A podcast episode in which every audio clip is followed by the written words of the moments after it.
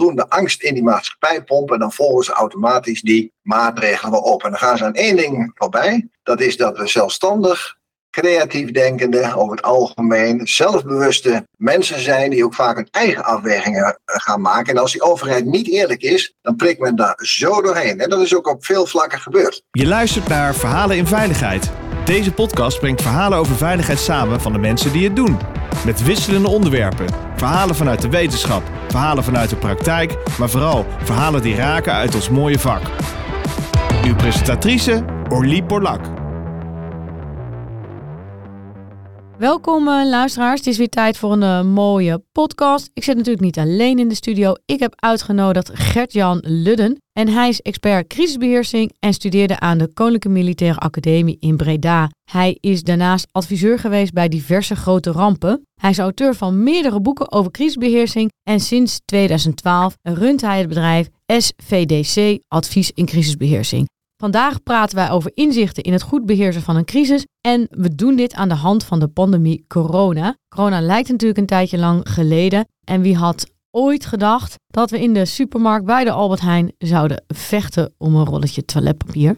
Dus iedereen die luistert, die heeft wel een beeld bij die uh, crisis. Dus dat leek ons een goed voorbeeld om te nemen. Gert-Jan, superleuk uh, dat je er bent vandaag. Welkom. Dankjewel. Ja, het lijkt mij leuk om corona te pakken als een voorbeeld voor uh, crisisbeheersing. Mensen hebben daar allemaal wel inderdaad een beeld bij. Die hebben, zijn misschien in de, in de supermarkt betrokken geweest bij dit kleine opstootje. Of hebben het gezien. Maar in ieder geval eh, hebben we het allemaal meegemaakt en meebeleefd. Ik denk dat het goed is om daarbij stil te staan. Ook omdat we daarvan kunnen leren, ten aanzien misschien van andere crisissen. Je hebt een enorme uitvoerige aanbeveling geschreven. Voor de luisteraars is die uh, strakjes te vinden in, in de bio. Dus we hebben niet tijd voor alle aanbevelingen, maar we hebben er een paar voor jullie uitgehaald. Ik wil niet zeggen dat de krenten uit de pap zijn, maar deze pasten wel goed bij elkaar in een coherent gesprek. Dus luisteraars, ik hoop dat jullie uh, ja, er wat van leren en denken van... hé, hey, als ik mijn eigen crisis in mijn organisatie moet gaan beheersen... wat kan ik dan leren van de pandemie die ik zelf heb meegemaakt?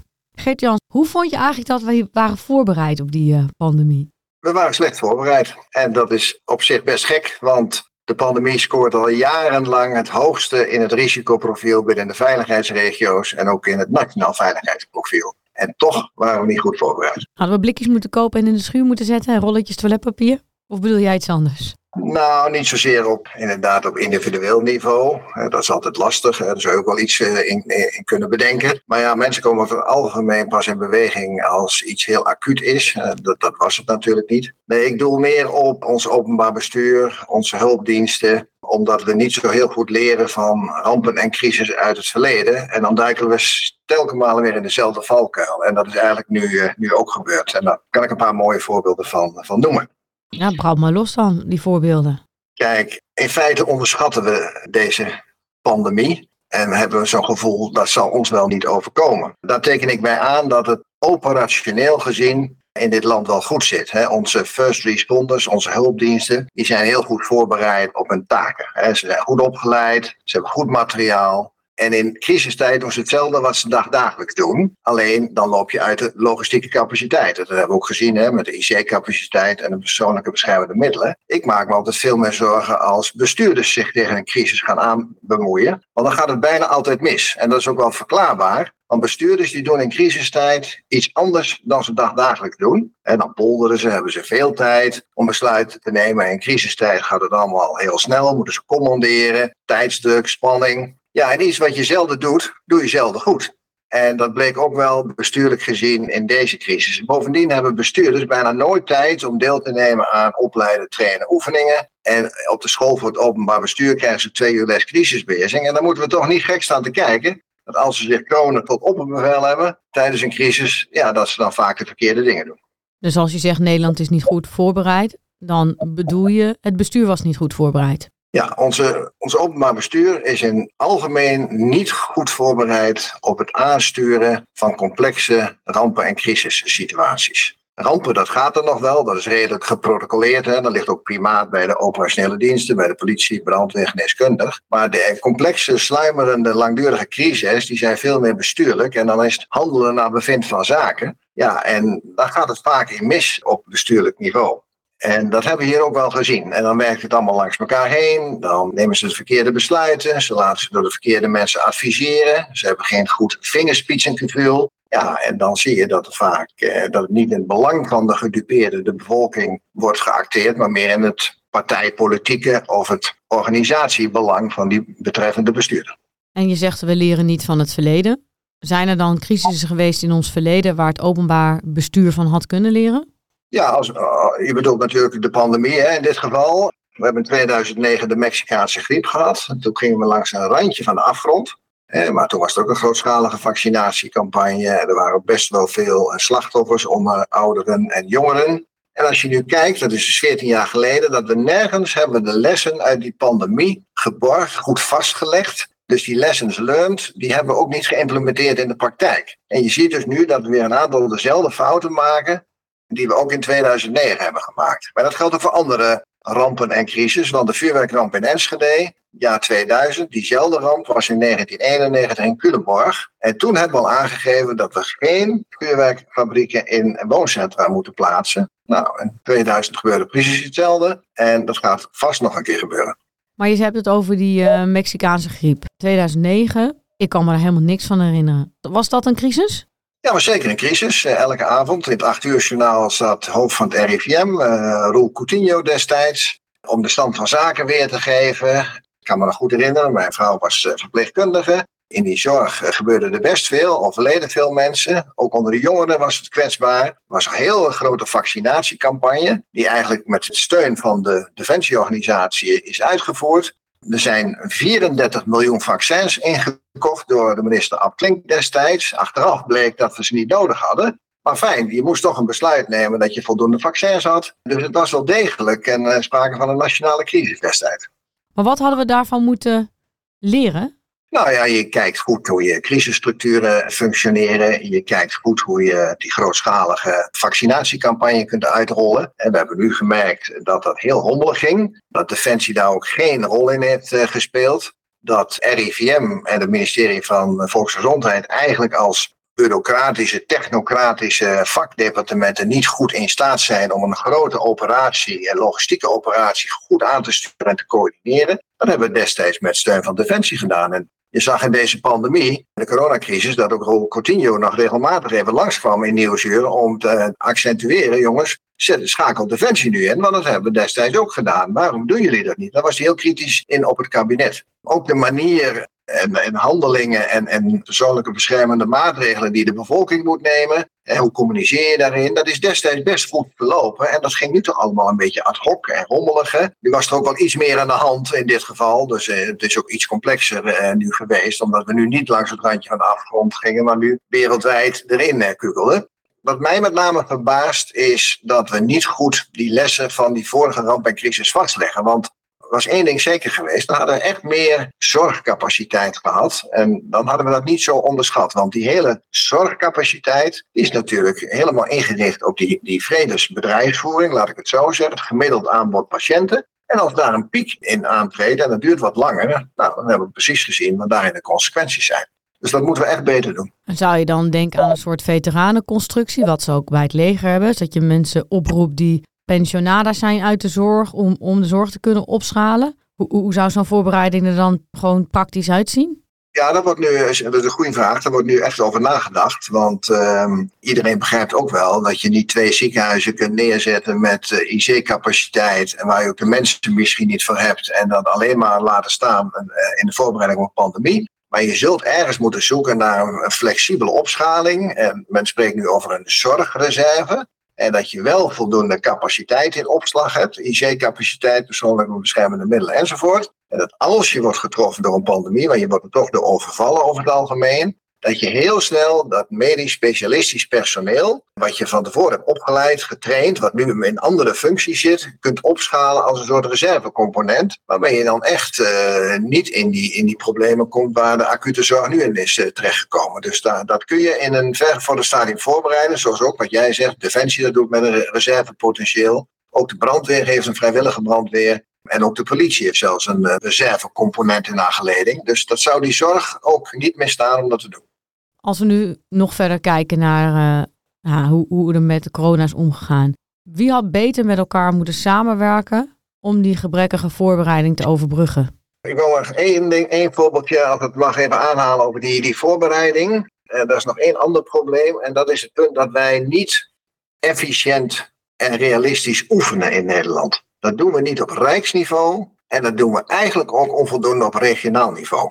De laatste nationale oefening rond terrorismebestrijding is in 2015 geweest. En sindsdien heeft het ministerie van Justitie en Veiligheid besloten: wij doen geen nationale oefeningen meer. En dat is buitengewoon jammer, want uit die oefeningen en het voorbereiden daarvan, het doordenken van scenario's, kunnen we heel veel leren. Daar zijn ze mee gestopt om onverklaarbare redenen. Waarschijnlijk financiën of ze zagen het nut er niet van in. Dat, dat is één. In de regio's wordt nog best veel geoefend. Eh, ik ben zelf uh, projectleider geweest van de oefening uh, Zeeuwse koorts en Hollandse griep. Dat waren twee hele grote pandemieoefeningen in Zuid-Holland-Zuid, Zeeland en Rotterdam. En hebben juist dit soort scenario's geoefend. Er komen de mooie evaluatierapporten. Er staat ook wel in dat we onvoldoende capaciteit hebben. Maar er is natuurlijk geen enkele bestuurder die op basis van een oefening zegt: we gaan investeren in IC-capaciteit. En dat is jammer. En, maar ook het heel realistisch oefenen vindt men heel moeilijk. Want binnen één dag moet je dan snel oefenen. Meer tijd is er niet. Maar echt het doordenken van scenario's dat de, de leeg zijn, dat de scholen dicht zijn, dat het openbaar vervoer stil ligt, dat er een maatschappelijke ontrichting is. Nou, hoe kun je dat nou realistisch inbouwen in oefeningen? En dat is buitengewoon lastig. En hier zie je dus ook het credo, een ramp op zijn tijd geeft pas richting aan het beleid, zeg ik wel eens. Ja, maar als toeschouwer van de, de coronapandemie zag je wel dat school binnen twee dagen het voor elkaar kreeg om online les te geven. Als je ziet hoe veerkrachtig wij als samenleving zijn. Kijk, die hele Mexicaanse griep, ben ik heel eerlijk in, die is eigenlijk volledig aan mij voorbij gegaan. Maar corona niet. Ook corona heeft toespraken gehouden op het acht uur van alles gedaan. Heeft mij wel bereikt. Heeft denk ik eh, heel veel mensen in Nederland bereikt. Ze hadden een percentage dat zich committeerde aan de gedragsmaatregelen van 86 procent. Ja, uh, de mensen die ik gesproken heb die betrokken waren bij het communicatiebeleid vonden dat weinig. Maar ik vind dat een heel hoog percentage. Ja, dan heb je nog steeds 14% die een ziekte kan verspreiden. Maar het is in bereik, als je dat vergelijkt met allerlei andere campagnes, is dat een gigantisch hoog bereik. Want er waren natuurlijk ook mensen in die pandemie die helemaal niet geraakt werden door die ziekte. Ja, dat klopt dat we dat in het begin niet wisten. Maar na een aantal weken werd dat toch wel duidelijk. Ik denk dat de, alleen de eerste twee weken was het bloedspannend dat niemand nog iets wist. Maar je ziet toch dat het bereik en de veerkrachtigheid van de samenleving, dat heeft mij wel verbaasd. Want ook de lege supermarktschappen, hoe lang heeft dat nou geduurd? Een weekje of zo? Als we het weer op de rit hadden? Mhm. Helemaal met je eens hoor. De, de weerbaarheid en de veerkracht in de samenleving die is natuurlijk heel belangrijk. En die onderschat ik ook niet. Je, men mobiliseert heel snel. We zijn een klein landje, iedereen weet zich snel te vinden. We steunen elkaar heel snel. heb je ook in die ouderenzorg gezien in die lockdown. Dat is, echt wel een positief punt. Daar ligt het niet aan. Maar wat jij zegt, die 86% die eh, de maatregelen blindelings opvolgt, dat was niet te vergeten. Ook even belangrijk welk moment je in deze crisis hebt, de thermometer erin steekt. In het begin was dat inderdaad waar. Hè, omdat die angst er zo in zat. En iedereen was uh, angstig van wat, wat gebeurt hier, wat, welke kant gaat het op. En toen volgde men blindelings de, die maatregelen. Maar je zag al vrij snel, en na de zomer van, van 2020, toen men te snel ging afschalen. Eh, en eigenlijk met een heel wispelturig eh, beleid kwam. Eh, mondkapjes wel op, niet op. Hè, de hele wereld liep ermee en hier was het niet nodig. En als je dan een half jaar later zegt, we moeten het wel doen. Ja, dan zegt ook 80, 90 procent van die bevolking nou, hier begrijpen we helemaal niks meer van. Maar je bekijkt het maar, hè, want zo was het ook wel. En naarmate je verder kwam, nam het vertrouwen in die overheid en in de maatregelen met zeven mijlslazen af. En zag men de onlogica erin. En toen zijn ook heel veel besluiten genomen die, uh, die heel veel schade hebben berokkend. En dat moeten we niet vergeten. Daar komen we nog wel op, denk ik straks. Ja, en ik wil meteen al weten welke. Kijk, wat ik heb gehoord eh, van die professor die betrokken was bij de communicatiebeleid, is dat ze ook vooral uh, maatregelen hebben genomen waarvan ze wisten dat de bevolking bereid was die op te volgen. Waar ze niet zeker van wisten of ze effect hadden op het beheersen van de pandemie maar vooral effectief waren op gedrag. Hè. Dat waren ook sociaal-psychologisch eh, die ze erbij betrokken hebben bij het communicatiebeleid. Op zich is dat niet zo gekke ideeën. Dus je kan wel een hele goede maatregel hebben die de pandemie beheerst. Maar als niemand hem wil opvolgen en iedereen weigert dat, dan is die maatregel niet zo effectief. Dus kijken naar wat wel opvolgbaar is, is op zich wel niet zo een gek gedacht. En crisiscommunicatie gaat het om het belang van de gedupeerde. En er is maar één ding van belang: dat je meedogenloos eerlijk vertelt wat je weet en wat je niet weet. En hier heeft men meedogenloos oneerlijk gecommuniceerd in deze crisis van meet af aan door enorm veel angst, onnodige angst ook door middel van beelden in die maatschappij te pompen. En dat hebben ze ook toegegeven hè, in het kader van de wet openbare overheid. En in Duitsland ook, in Engeland ook. Als we maar voldoende angst in die maatschappij pompen, dan volgen ze automatisch die maatregelen wel op. En dan gaan ze aan één ding voorbij. Dat is dat we zelfstandig creatief denkende, over het algemeen, zelfbewuste mensen zijn die ook vaak hun eigen afwegingen eh, gaan maken. En als die overheid niet eerlijk is, dan prikt men daar zo doorheen. En dat is ook op veel vlakken gebeurd. En daarom zag je ook dat zo dat wantrouwen toenam en dat men hun eigen koers ging, ging varen op een bepaald moment. Bovendien, communicatie is niet alleen iets van de Rijksoverheid. We hebben in onze crisisstructuur afgesproken dat die met name die burgemeesters een hele belangrijke rol hebben in de communicatie richting de doelgroepen die in hun gemeente uh, woonachtig zijn. En dan heb je het met name over de allochtone groeperingen, de achterstandswijken, de, de jongere groepen, de ouderen. En ik heb weinig burgemeesters gezien die heel proactief hun eigen bevolking uh, gingen informeren. Men verwees allemaal naar de site van de Rijksoverheid en naar het rivm.nl. En ik woon in een grote stad. Ik heb geen videoberichtje van de burgemeester gezien. Ik heb geen brief gekregen. Ik heb geen mailtje gezien met enig handelingsperspectief. Die burgemeesters die doken onder. En die verwezen allemaal naar de Rijksoverheid, omdat ze het zelf ook niet wisten. Nou, dat is niet een goede vorm van communicatie. Nee, en jij zegt eigenlijk als je je beter voorbereidt, in een grootschalige voorbereiding, dat je op lokaal niveau ook misschien andere dingen had willen doen. Zeker, jij weet precies uh, naar postcode nauwkeurig waar jouw kwetsbare groeperingen zitten. En hoe je, dus pas vrij laat in deze pandemie hebben burgemeesters, ook de Rijksoverheid, ervoor gekozen om in verschillende talen te gaan communiceren. Nou, dat was eh, best bijzonder, hè? want ja, heel veel mensen kijken dus niet naar de eh, maandelijkse persconferenties en missen dat nieuws, lezen de suffertjes niet. Dus die moet je toch op, op een andere manier in jouw stad of dorp uh, weten te bereiken. En daar ligt natuurlijk een verantwoordelijkheid voor het lokale bestuur. Nou, die dook ook allemaal onder. Die gingen ook in een soort lockdown en gingen digitale crisisvergadering leiden en gingen dus minder de straat op, wat natuurlijk wel de bedoeling is. Maar dat zag je ook wel in, in de vaccinatiebereidheid. Hè? Is dat bepaalde bevolkingsgroepen in, de, in grootstedelijk gebied niet bereid waren zich te laten vaccineren. En dat er pas veel later in de corona-aanpak voor een lokale aanpak is gekozen. Ja, nou je noemt hier vind ik een heel uh, interessant punt waar het in mijn optiek erg misging. Dat is de hele communicatie rond die, die, die vaccinatie. En met name hoe men om is gegaan met die 2, 3 miljoen mensen in Nederland die ervoor gekozen hebben, om welke reden dan ook, zich niet te laten vaccineren. Die mensen zijn weggezet als wappies, als criminelen. We zouden onze, onze ouderen, ouderen allemaal besmetten. Dat is ongekend. Terwijl, en dat is natuurlijk niet de manier zoals je zou moeten communiceren. De PN'ers deden daarmee, de praatprogramma's deden daarmee, de ministers deden daarmee. Dat heeft geleid tot een, een crisis in de crisis. Dit heeft geleid tot scheuringen binnen families, scheuringen binnen gezinnen, scheuringen binnen verenigingen.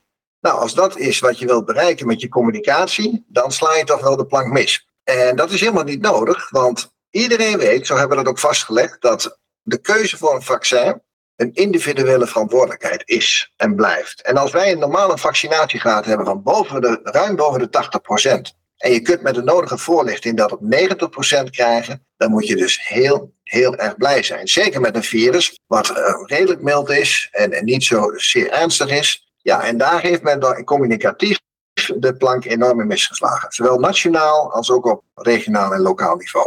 We kunnen veel van leren. Ja, dus die, die voorbereiding die had op heel veel vlakken anders gekund. Hè? In de communicatie, maar ook in een lokale benadering. Terugkomend op mijn vraag, maar wie had dan beter kunnen samenwerken om die gebrekkige voorbereiding te overbruggen? Ja, nou dan uh, kijk je in eerste instantie, vind ik, naar de, de crisisstructuur die we hebben. We hebben natuurlijk op nationaal niveau, op rijksniveau, een, een soort ministerieel crisisteam. En ook nog een interdepartementale crisiscommissie. En je hebt die veiligheidsregio's. Die nationale crisisstructuur heeft eigenlijk niet gefunctioneerd. En dat heeft verschillende oorzaken. Die ministers die wisten niet in welk crisisteam ze zaten. Je had bepaalde ministers die zaten op de juiste momenten niet aan tafel. Bedrijfsleven was daar onvoldoende bij betrokken. Men heeft heel snel de crisisstructuur ontmanteld. Na een paar maanden ging men met reces. Het virus ging ook met reces blijkbaar. En toen na de vakantie ging het weer mis. Toen moest men weer opschalen. Toen ging men naar een soort projectmatige structuur. De veiligheidsregio's, waar we er 25 van hebben, die zijn heel erg gericht op rampenbestrijding, kortstondige, heftige gebeurtenissen. En die waren ook helemaal niet ingeregeld om zo'n complexe moderne crisis te managen. Dus dat moeten we de volgende keer beter doen. En dan zitten ook private partijen gewoon niet aan tafel. Dus dat is een, een gemiste kans.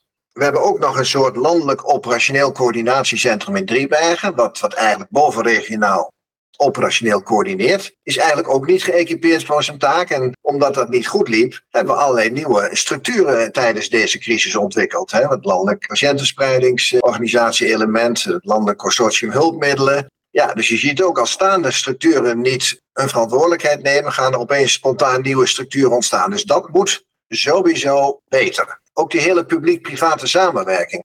Ja, je kunt wel de voorzitter van het VNO-NCW het MKB informeren en betrekken. Maar dat is natuurlijk ruimschoots onvoldoende. Hè? Je moet wat captains of industry erbij betrekken. Ook op regionaal niveau moet je die bedrijven aan tafel zetten. En ja, en dat tot slot kunnen we ook in die civiel-militaire samenwerking, hè, want Defensie is structureel partner in de nationale veiligheid, zouden we Defensie nog veel meer in deze grootschalige crisis kunnen inzetten dan nu het geval is geweest. Mooi, dan wil ik jou alvast hartelijk danken voor uh, deel 1 van deze podcast. En dan zou ik graag in deel 2 met jou ook aandacht willen besteden aan alle rollen die belangrijk zijn in het beheersen van een crisis. En wat het risico is als er een van die rollen het voor het zeggen krijgt. Of een van die belangen. Zou je het leuk vinden om uh, de volgende keer weer terug te komen voor een tweede deel? Heel graag. Er is nog heel veel over te vertellen wat mij betreft. Dankjewel en tot de volgende keer. Graag gedaan. Je luisterde naar Verhalen in Veiligheid. Wil je niks missen van deze podcast? Abonneer je dan op deze podcast in je favoriete podcastplatform. Of laat een recensie achter via Apple Podcast. Dank voor het luisteren. Graag tot de volgende.